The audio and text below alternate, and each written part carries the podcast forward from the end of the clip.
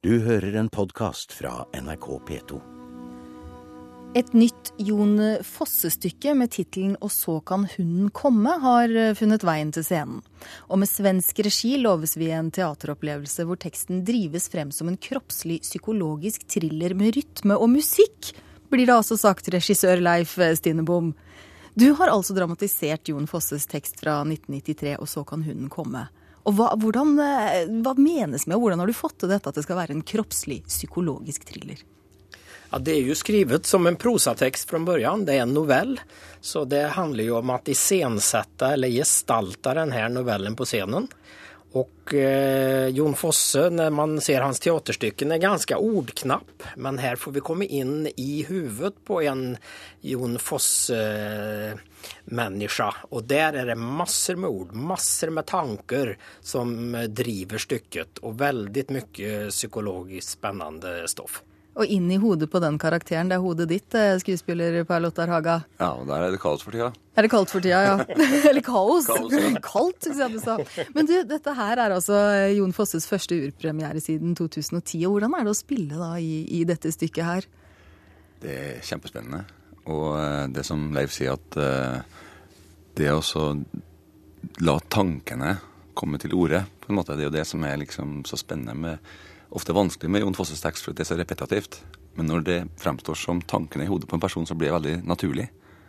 Det repet- repetitive og, og eh, det er jo samtidig da veldig vanskelig å lære seg, for han sier samme tingene mange ganger på forskjellige måter. Så det er litt kaos for tida, men eh, det er veldig spennende. Hvordan er det du jobber med kaoset ditt, da? Nei, jeg prøver nå bare å tenke at det, går til slutt. Ja, for det, det må vi jo satse på at du gjør. Men altså, igjen, Stine Bom. Eh, hvordan har du gått fram for å få da den litt sånn, hva skal vi si, introverte tankene ut i stykket? Ja, Det som er så spennende er at det her handler jo om en mann på landsbygden. Det er virkelig ingen, ingen urban menneske vi treffer, utan det er en ganske ensom mann som har en hund. Og det er hans eh, selskap og kjærlighet og alt som fins. Og den der hunden blir skjuten. Og da setter det i gang en prosess i hodet på den her eh, mannen som leder til at han tenker hevnes øye for øye, mann mot hund. Og dette er, det är veldig spennende å se hvor manisk denne personen blir, men samtidig veldig kontrollerad. Han gjør opp en plan, og sen gjennomfører han den. Så hva har du da lagt vekt på for å få denne mannen til å, å fremstå som den personen du ønsker? Jeg tror at det handler om at man får berette en sak i taget. Man får begynne å berette om kjærligheten til hunden, og sen så får man berette om det kaos og den fortvilan som oppstår når hunden blir borte. Og når det dessuten er noen som med berått mod har skutt hunden, da ruller denne pjesen av seg selv sen. Haga, du blir jo nå regissert av Stine Bomme. Jeg vet du har jobba med han før, men eh, hvordan er det nå å ha han som regissør på dette stykket her? Ja, det er veldig bra. Vi jobber veldig godt sammen, og, og eh, han eh, har en veldig fin og billedlig måte å forklare sine tanker på. Så det er lett å Vi, vi er veldig på samme kurs, da. Og eh, som Leif sier også, er det jo foregår på landet. Det er type En slags einstøing som vi som kommer fra landet, vi ser dem for oss. Er det lett å identifisere seg med en mann, eller? Ja, eller det er iallfall lett å se at man har sett den. Du, du får motorstopp midt ute på bygda, midt inne i skogen. Og så må du gå og banke på ei dør. Og så ser du bare at det er noen som rører seg bakom døra, men ingen som kommer ut. Og det er denne Og tenker at her tror jeg jeg går ifra.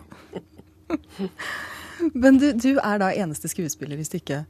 Hvordan er det å, å drive alt da sånn på, på egen hånd? Det er veldig krevende, men samtidig veldig befriende. Fordi at eh, man har på en måte bukta og begge endene.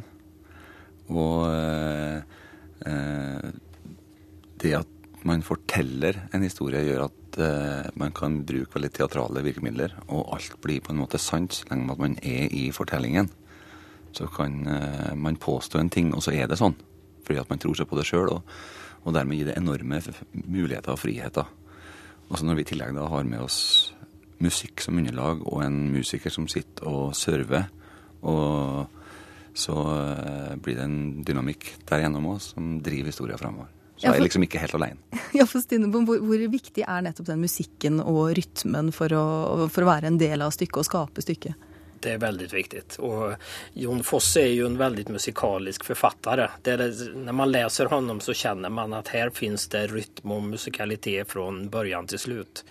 Og vi har vært så heldige at vi har fått en av Norges absolutt beste folkemusikere Daniel Sandén Varg fra Setesdal som følger med oss på denne reisen. Så at vi, vi, er i gode hender når det gjelder musikken.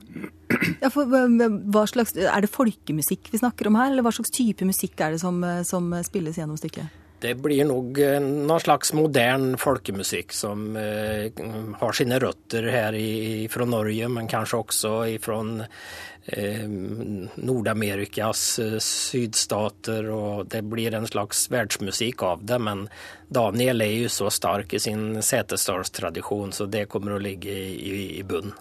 Men så har jeg også lest, du sa jo Haga, det at denne mannen det er han du, du kjenner igjen på bygda et sted. Du, du vet at han fins der. Eh, så jeg har lest at dette stykket her det blir liksom mer folkeliggjort, ikke så opphøyd. Hva, hva tenker du om det? Er det et veldig folkelig stykke?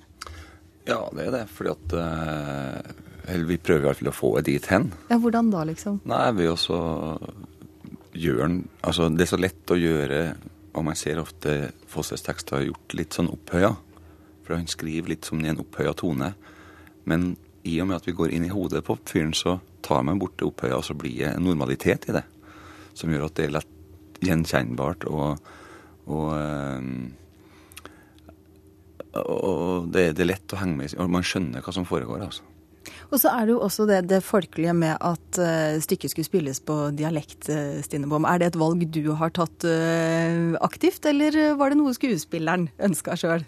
Ja, det tror jeg vi var ganske enige, enige om ihop.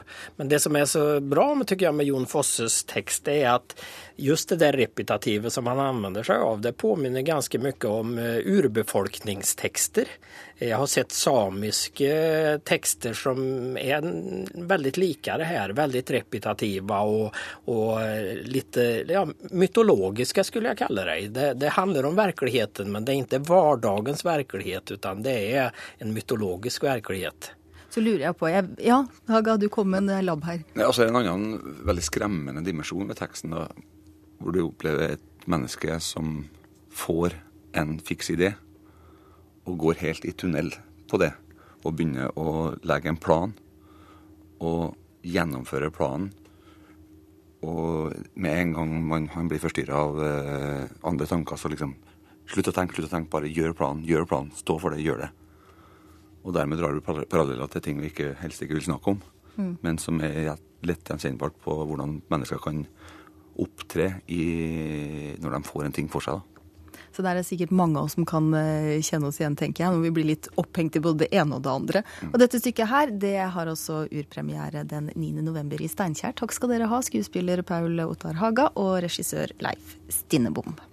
Du har hørt en podkast fra NRK P2.